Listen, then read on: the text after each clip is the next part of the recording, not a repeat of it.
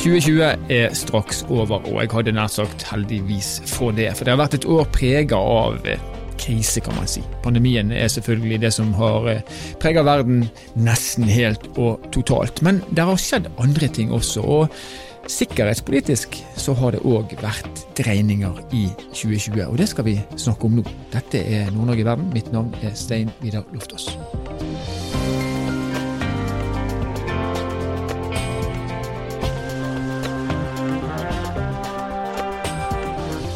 Og med oss nå har vi utenriksminister Ine Marie Eriksen Søreide. Velkommen til oss. Tusen takk.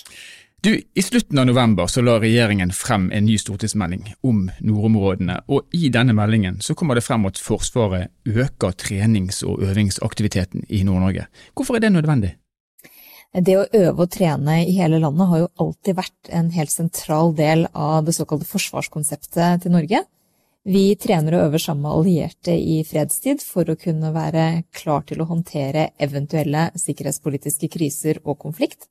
Og det er jo sånn vi har valgt å bygge det opp, nettopp for at vi f.eks. i motsetning til en del andre land ikke har utenlandske baser på norsk jord, men heller øver og trener i fredstid og forsterkes hvis det blir krise. Og det har vi gjort i alle år. Eh, vi har jo vært Nato-medlem siden 1949. Og dette har vært en helt sentral del av forsvarskonseptet vårt hele tida, og vi øver og trener sammen med nære allierte som kan bistå oss på samme måte som vi skal kunne bistå dem. Mm.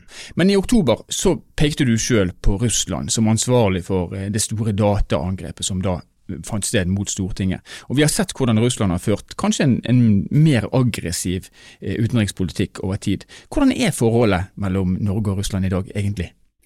Vi har et bilateralt forhold som er prega av et godt praktisk samarbeid på mange områder, og det har vi fortsatt eh, også etter 2014, eh, da Russland eh, annekterte Krim og den sikkerhetspolitiske situasjonen i våre nærområder ble forverra. Og vi gjør det jo fordi det er saker av felles interesse. Vi har f.eks. felles fiskeriforvaltning, vi har et nært samarbeid om søk og redning. Vi jobber tett med Russland, særlig når det gjelder atomsikkerhet og miljøsamarbeid. Og vi har en felles økonomisk kommisjon. Og vi har både møter på politisk nivå og embetsnivå i disse eh, foraene jevnlig. Og vi samarbeider jo også eh, godt gjennom bl.a. Arktisk råd og også i andre sammenhenger i Barentsregionen. Så dette er jo ting som eh, er en ganske konstant og viktig faktor i norsk utenriks- og sikkerhetspolitikk. Men vi kan heller ikke se bort fra den endringa som har skjedd de seinere åra, og som gjør at ikke bare Norge, men eh, alle europeiske og allierte land nå ser på Russland med eh, andre øyne enn tidligere sikkerhetspolitisk, rett og slett fordi at deres veldig selvhevdende måte å opptre på, det at de øker sin militære innsats, de bygger opp igjen gamle baser, de øver og trener mer, og ikke minst mer komplekst. Det er klart at det utgjør potensielt en strategisk utfordring for Nato. Eh, og det er klart at med vårt naboskap, som i utgangspunktet er prega av godt praktisk samarbeid, så stiller det oss overfor noen utfordringer som vi er nødt til å ta hensyn til i vår eh, planlegging. Men er du, er du urolig over den utviklingen, eller tenker du at det er egentlig som det har vært? Det er jo ikke noen, noe av denne militære aktiviteten som vi oppfatter som retta direkte mot Norge eller som truende eh, mot Norge nå. Men vi er jo veldig årvåkne og følger veldig nøye med på det, både den militære og den politiske utviklinga i Russland. Det har vi alltid gjort. Og det er viktig både for å lage vårt eget situasjonsbilde, men samtidig informere våre allierte om hva vi ser. Vi har jo et eh, mye, mye bedre forutsetning for å både følge med og ikke minst også tolke eh, hva Russland driver med, enn det allierte f.eks. sør i, i, alliansen har. Og det er helt naturlig, de har sine forsyn på andre områder. Mm. Og det er jo informasjon som er veldig viktig for å kunne både lese bildet, men også planlegge ut fra det, og hva vi kan forvente de, de kommende åra. Så den endringa som har skjedd, har jo skjedd fordi Russland da bl.a. for første gang eh, siden andre verdenskrig har tatt et annet landområde i Europa med makt. Og de har jo også etter det eh, brukt mye ressurser eh, bl.a. Eh, på det å forgifte politiske motstandere både på russisk jord og også på europeisk jord. Og det er klart at det er noe verdenssamfunnet er nødt til å reagere på. Ja. Men du, når jeg ser på sikkerhetspolitikken vår med et, eh, si et lekmannsøye, så ser jeg et Nato som virker å være litt i endring. Det er åpen uenighet mellom enkelte Nato-land. Og så ser jeg et EU som virker å være opptatt av å ta et sterkere ansvar for sitt, sitt, eget forsvar, sin egen forsvarspolitikk. Og Norge er jo ikke et EU-land, som alle vet. Men hvor sterkt eller hvor svakt står egentlig Norge forsvarsmessig nå i forhold til det vi historisk har gjort? Norge står jo stadig sterkere forsvarsmessig. Eh, regjeringa har jo helt siden vi tiltrådte i 2013 styrka både forsvarsbudsjettene og gjort endringer for å styrke forsvarsevnen. Vi har jo styrka budsjettene med over 30 eh, siden 2013, og det er en betydelig økning. Vi ligger jo nå litt over eh, Natos måltall på 2% og vi bruker betydelig mer enn Natos mål på investeringer. Men samtidig så må vi hele tida utvikle oss, og det vi ser er jo at Nato som allianse fungerer veldig godt. Norge har vært i spissen for den militære moderniseringa av Nato som har vært helt nødvendig etter 2014. Men vi har også tatt et veldig tydelig grep om den politiske styrkinga av Nato som vi nå er i gang med. Og så er det uenighet mellom enkelte allierte om eh, saker som gjerne er bilaterale mellom dem. Det har det tradisjonelt også vært i Nato. Vi skal ikke så langt tilbake før vi har hatt eh, konflikter som har fått nesten enda større konsekvenser enn det vi ser nå. Men Nato har jo samtidig vist en imponerende vilje til omstilling og til å håndtere denne type spørsmål. Eh, og så ser vi at EU, som du sier, også styrker sin sikkerhetspolitiske eh, si, tilknytning til hverandre.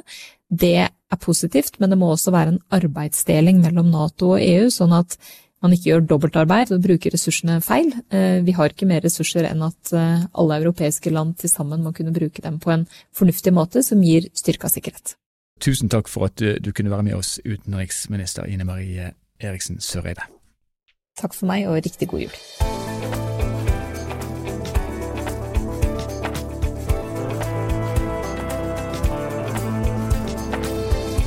Og med oss på telefonen nå har vi eh, Pål Frisvold, som er mye, men bl.a. ansvarlig redaktør for europeisk politikk, og i så måte en ekspert både på EU og forholdet mellom Norge og, og Europa. Veldig fint at du kan være med oss, eh, Pål. Bare hyggelig, Stein Vidar. Glede å få lov til å bidra. Du, vi skal ta og belyse eh, av eh, det som handler om Norges samhandling med Europa, og kanskje spesielt det som har vært spesielt for den, den senere perioden. Og det er mer enn bare korona. Jeg tenker kanskje spesielt på eh, sikkerhetspolitikk, og selvfølgelig også på det som skjer når vi kommer til 1.1, eh, nemlig at brexit endelig kommer til å være en realitet. Men jeg har lyst til å starte med det sikkerhetspolitiske. Mm. Eh, fordi at Norge har vært avhengig av Nato, og er avhengig av Nato. Nato er svekka, der er indre uenighet. og du har, du har, USA som ikke virker like interessert lenger. Så har du Tyrkia som egentlig bøller med alle. Og så har du Macron, da, som kanskje nå i, når, når UK begynner å fase seg sjøl ut, og Angela Merkel ikke lenger like markant ser på seg sjøl som kanskje den sterke stemmen i Europa. Og han snakker om at eh, eh Nato er Jeg tror han brukte uttrykket er hjernedødt. Ja. Hva, hva, trenger vi å tenke på når det gjelder forsvars- og sikkerhetspolitikk og, og Europa eh, mot Norge? Vi trenger vel å tenke på at eh, hele vår etterkrigstid så har vi basert oss på at eh, vi er um, under den amerikanske forsvarsparaplyen, eller beskyttelsen. Eh, og det har tjent oss godt, og det har vært riktig og viktig i en tid med kald krig osv. Men at det er to utviklingstrekk som gjør at eh, de, de, de faktorene her, de endrer seg. Eh, det ene er at den tradisjonelle kalde krigen er slutt, og det er nå like mange andre trusler og faremomenter som er på, på arenaen enn vanlig krigføring. Altså cyber og informasjon og manipulasjon av demokrati osv. Så, videre. så det er helt nye eh, trusselområder som ligger litt utenfor Natos vanlige kjernevirksomhet. Og så er det jo det at eh, USA er jo lutfattig.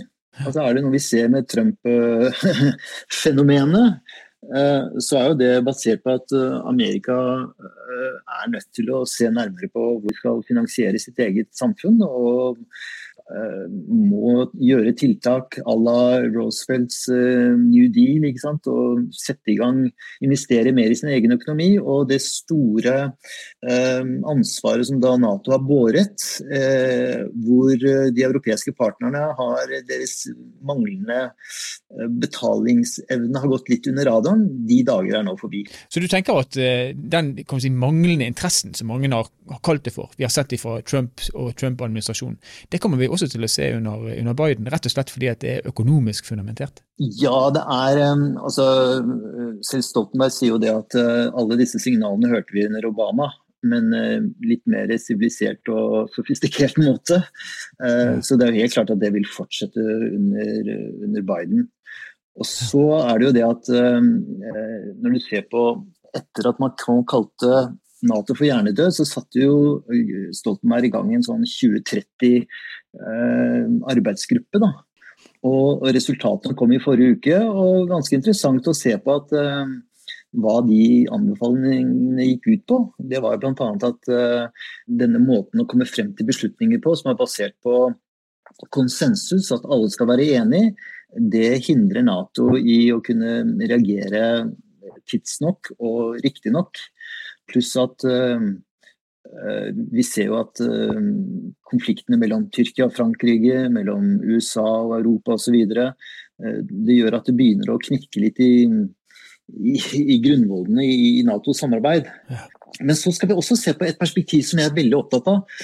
Og det er at når Nato og amerikanerne Eh, tvinger oss til å bruke så mye stor andel av vårt bruttonasjonalinntekt, altså 2% på forsvar, så går jo det i stor grad til amerikansk forsvarspolitikk. Så det er ikke bare en kostnad, det er også en viktig eh, motor i den amerikanske økonomien som forsvarsindustrien i Amerika eh, representerer.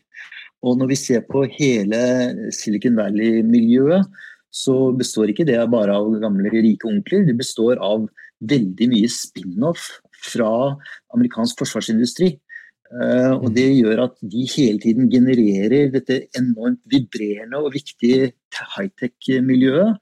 Som, som, vi får igjen i Europa på godt og på vondt. Og Det er det selvfølgelig EU ønsker å gjøre noe med. Og Nå er det to så vidt jeg har klart å se, så er det to eh, nye forsvarsinitiativ. Og eh, Målet fra Europakommisjonen er altså å etablere en felles europeisk forsvarsunion innen 2025, altså fem år før Stoltenberg sitt 2030-prosjekt. Eh, hva, hva, ligger i denne eh, europeiske forsvarsunionen? Jeg tror det ligger en helt klar forståelse på at Europa kan ikke forsvare seg selv på noen som helst måte uten amerikanerne. Men vi må ha et, eh, en bedre balanse. Og det store spørsmålet det er jo da kommandostruktur og forsvarsindustri. Og når det gjelder kommandostruktur, så er jo EU har jo hittil ikke hatt det som Nato, eller amerikanerne har hatt gjennom Nato, at de har en felles kommandostruktur for, uh, for troppene, slik at de uh, kan utøve militære operasjoner sammen. I EU så har hvert land kommet med sine, en del av sine tropper, men man har ikke hatt en felles kommandostruktur. Så det, det, det må helt sikkert på plass. Men det andre er industrien, hvor eh, dette forsvarsfondet og forsvarsbyrået skal um, forsøke å gjøre slik at um, med de få ressursene vi har til rådighet da, i, i, Europa, som bruker mye mer på velferd enn vi bruker på forsvar, så må vi utnytte ressursene bedre. Amerikanerne har fem typer tanks, og vi har 25 typer tanks. Og hvordan skal vi da få til en forsvarsindustri hvor vi kan skape vinnere og bruke pengene våre bedre på færre, men bedre våpen. Men, men Hvor plasserer dette her i Norge? Nå er jo Den, den podkasten handler jo primært om hvordan Nord-Norge henger sammen med resten av verden. og For Nord-Norge sin del så er jo Russland rett utenfor stuedøren. og Russland har jo tradisjonelt vært hovedfienden for, for Nato. Men når, når, EU nå skal bygge opp seg selv, og Norge ikke er en del av EU, hva bør vi tenke på der? Står vi i større fare nå enn vi gjorde før? Altså, så lenge vi har amerikanerne i ryggen, og så lenge de har eh, støvler på bakken, så er vi, vi, trygge. Men det skjer en politisk utvikling som, som kan skje raskt. Altså, Trump trakk ut uh, tusenvis av amerikanske tropper fra Tyskland og flyttet dem til Polen over natta. Ikke sant? Mm. Uh, amerikanerne forlot Reykjavik uh, og satte igjen en lapp på døren og sa at, sa at nå er vi ikke her lenger. slik at Vi må ikke tro at disse, denne samarbeidsformen er noe som er støpt i sement. Og Derfor så tror jeg har, det er veldig viktig for oss at vi deltar i den grad vi kan eh, i denne ulykksalige utenforskapet. At vi bruker de kanalene vi kan for å hekte oss på de ikke bare de konkrete initiativene som kommer etter hvert, men også den politiske utviklingen. Og det er jo det som er mest frustrerende fra min side, som sitter i Brussel og ser på hvor fraværende vi er fra å delta i den politiske debatten. Men er det, er det, Norge som ikke melder seg nok på opp mot EU, eller er det EU som ennå ikke har klart å blitt enige om, eh, si, internt enige, og i hvert fall ikke enige om tredjepartsland skal kunne være med? Ja, som, ja? Jo, EU har faktisk akkurat nå, pga. brexit, så har jo da EU-landet bestemt at uh, man skal åpne for tredjelandsdeltakelser i PESCO, men i henhold til i, ut fra konkrete initiativ. Slik at vi får ikke en plass i PESCO og deltar i den politiske, strategiske, langsiktige utviklingen, men vi får komme med etter hvert som de opp, eh, oppretter uh, enten altså forskjellige konkrete prosjekter. Da. Men det gjør at vi hele tiden kommer i, på etterskudd. Er det noen mm. som er uh, opptatt av, og noe land er viktig for å ha et sterkt europeisk forsvar, så er det jo nettopp Norge, i lys av den geografiske posisjonen vi, vi har.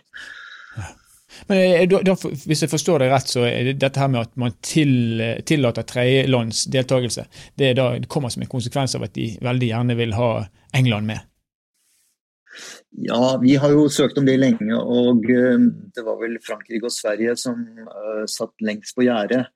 Um, fordi at de er veldig opptatt av, eller i Frankrike er opptatt av Det skal være medlemslandene som sitter ved, ved rattet og styrer dette her. Og sånn som vi ser at Britene har trenert mange andre integreringsområder i Europa, og Norge med sitt nølende um, europahistorie, så vil de ikke at de skal stikke kjepper i hjulene for de, de planene som, som, som, ligger på bordet. Um, men ja, du kan si at vi har blitt reddet av uh, britene. fordi det er utenkelig å se for seg et europeisk forsvarssamarbeid uten uh, tung britisk deltakelse. Akkurat. Og det her bringer oss jo over til, eh, til, brexit, som jeg sa vi skulle snakke litt om. Eh, nå er det ett år siden eh, England, eller Storbritannia, da, gikk ut av EU, og så har de hatt denne overgangsperioden. og Nå er vi straks ved 1.1, der det kommer til å være et permanent brudd med eller uten en avtale. Hva er situasjonen akkurat nå der? Ja, nå er vi så nære crunch time som det går an. I dag klokken syv så brifet Michel Barnier, um, som er EUs forhandlingsleder, ambassadørene i, i EUs medlemsland om forhandlingsresultatet. Og jeg tar det som et tegn på at nå har de en løsning, men eh, at de trenger tid for å bearbeide det politisk.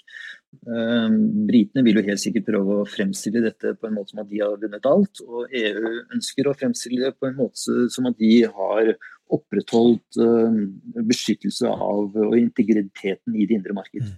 Men hva med Norge, da? Altså for det, nå, nå, høres det ut som at de beveger seg i, i, retning av en tilsvarende avtale som Norge har. Noenlunde, kanskje.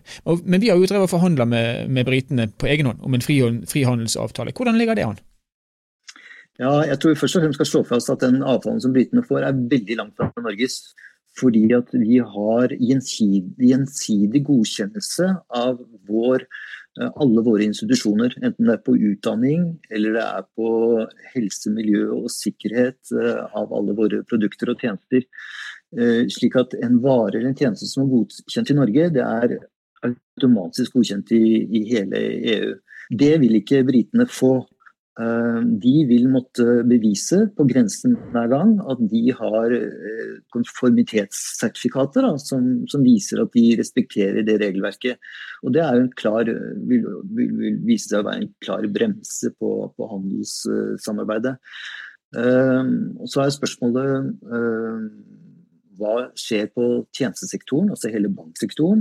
Eh, I hvilken grad klarer de å opprettholde London som det store finanssenteret i Europa eh, når de skal forholde seg til denne samhandelen. Og så er det om det blir noe toll på produktene fra Storbritannia inn i EU. En god forskjell der. Men for vår del, da? Våre avtaler med, ja, med UK? Ja, våre avtaler med UK de er, det blir veldig spennende. Fordi um, det, det, som ligger til grunn her, det er at vi skal kopiere den avtalen som britene får med, med Storbritannia. Men eh, i lys av det vi har hørt nylig, så er det ikke sikkert at britene vil eh, akseptere det på absolutt alle områder. Vi er jo da et annet tredjeland. Eh, vi kan håpe det, men vi har jo allerede fått signaler at f.eks.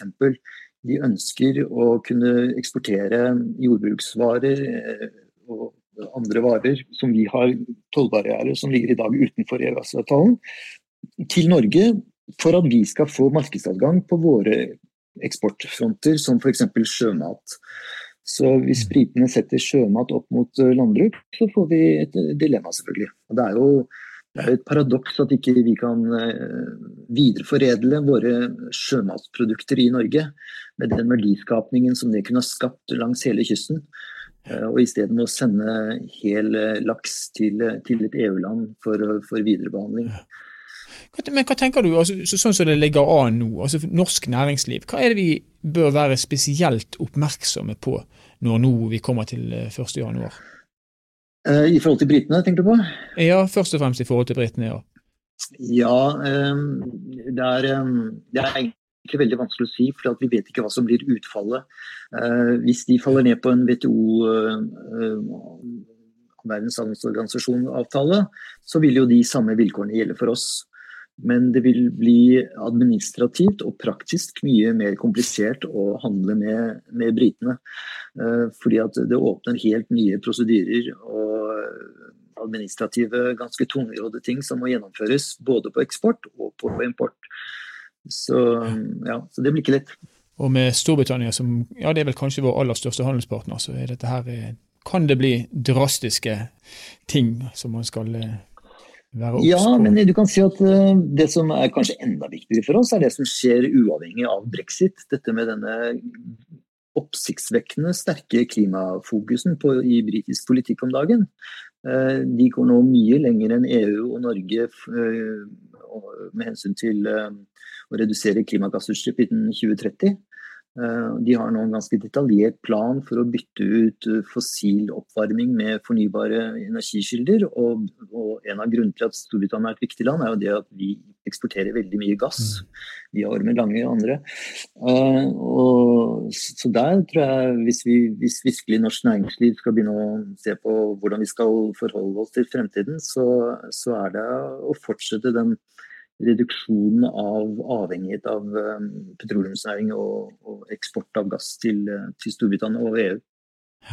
Ja. Det er svære oppgaver. Du, du er, nå er du ekspert på Europa, ekspert på EU, og, og, og ser fra din base normalt i Brussel, ser Norge utenfra. Hva er det, altså Vi er på vei ut av kanskje det mest spesielle året siden andre verdenskrig, og det er jo mange årsaker til det. Men når vi snakker om Europa, europeisk politikk og europeisk samarbeid, hva tror du kommer til å prege det neste året? Nei, jeg vil si to ting. Det ene er at det som har skjedd i Europa med denne pandemien, det er at vi har fått en akselerasjon av EU-samarbeidet. Både med hensyn til uh, tiltak og vaksiner. Nå får vi vaksiner via EU via Sverige. Uh, så vi ser hvor viktig det er. Men det andre som vi har sett, det er at EU har tatt grep om å uh, ta opp et felles lån. Altså vår tids Marshall Plan, som, som denne redningspakken er på 750 milliarder euro. Eh, og, og, EU skal ta opp dette lånet på finansmarkedet og betale det selv, og ikke, ikke uh, legge til gjelden til hvert land. Det er en stor endring i EU-samarbeidet. Og den, eh, Det skiftet går vi glipp av både fordi at vi i regjeringen ikke ønsker å delta i dette fondet, så vi kan jo stille oss litt spørsmål om at ok, det er, det er noe EU-landene gjør, men alle EU-landene, til og med Sverige, Danmark, Østerrike og Holland, som er veldig tilbaketrukket, de gjør jo dette her fordi de ser hvor viktig det er for deres økonomi at Europa kommer på bena. Og mm. vi med vår lille åpne økonomi, som eksporterer og importerer mer til andre EU-land enn de gjør selv. Altså, vi er nummer fire på listen, tror jeg. Eh, vi har alt å vinne på at EU kommer på, bena. Eh, så Derfor er det litt tankevekkende at, vi ikke har, at ikke regjeringen har sagt at de vil bidra til, til dette historiske løftet da, som, som, dette fondet representerer. Og så kan du si at Når vi får pandemien bak oss, og vi får, kommer på bena igjen, som vi får håpe, så er det et, eh, både et nytt Europa i og med at vi ikke har med britene, som har vært vår alliert med hensyn til eh, veldig altså, Britene har vært vår nærmeste allierte når det gjelder å holde fokusen på det indre marked, når det gjelder å bremse føderaliseringen av Europa, når det gjelder bremse altså, overføring av kompetanse til EU-organer osv. Og, så og også forsvaret av forsvaret av olje- og gassektoren.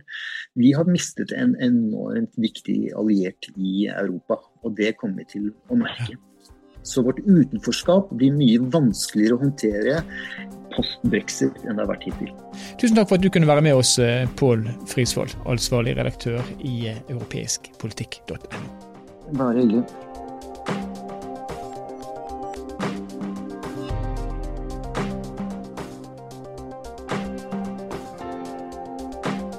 Så er vi også straks i ferd med å eh, runde av 2020 og gå inn i 2021. Eh, og Så får vi se hva 2021 bringer. Eh, vi hører her at eh, det er ting som er, er, er veldig hva skal man si, utydelig. Brexit og Storbritannia en never-ending story, og vi har ennå ikke fått svaret på eh, hva som kommer til å skje. Og så vet vi at verden er utrolig opptatt av å bekjempe pandemien. Og hva skjer når pandemien da er bekjempa? Eh, er det status quo på resten, eller er det da en rekke uløste oppgaver eh, som vi kanskje ikke har sett mens vi har stått til knes i virus? Vel, det som i hvert fall er helt sikkert, det er at tiden vil vise. Vi går inn i et 2021 med mye usikkerhet, men vi hørte også en, en utenriksminister som sa at eh, det er kanskje mer stabilt enn det vi får inntrykk av umiddelbart. Vi får håpe hun har rett. Dette er i alle fall Nord-Norge i verden, og Nord-Norge i verden er en podkastserie som er produsert av eh, Sparebank1 Nord-Norge i samarbeid med Helt Digital. Musikken du har hørt er laget av Emil Karlsen, og kanskje er det det mest stabile vi kan si i denne episoden, i tillegg til at mitt navn er Stein Vidar Loftaas. Vi høres igjen i neste episode.